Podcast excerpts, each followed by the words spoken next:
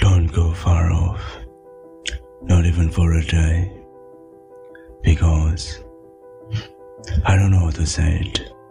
A day is long, and I'll be waiting for you, as in an empty station when the trains are packed off somewhere else, asleep.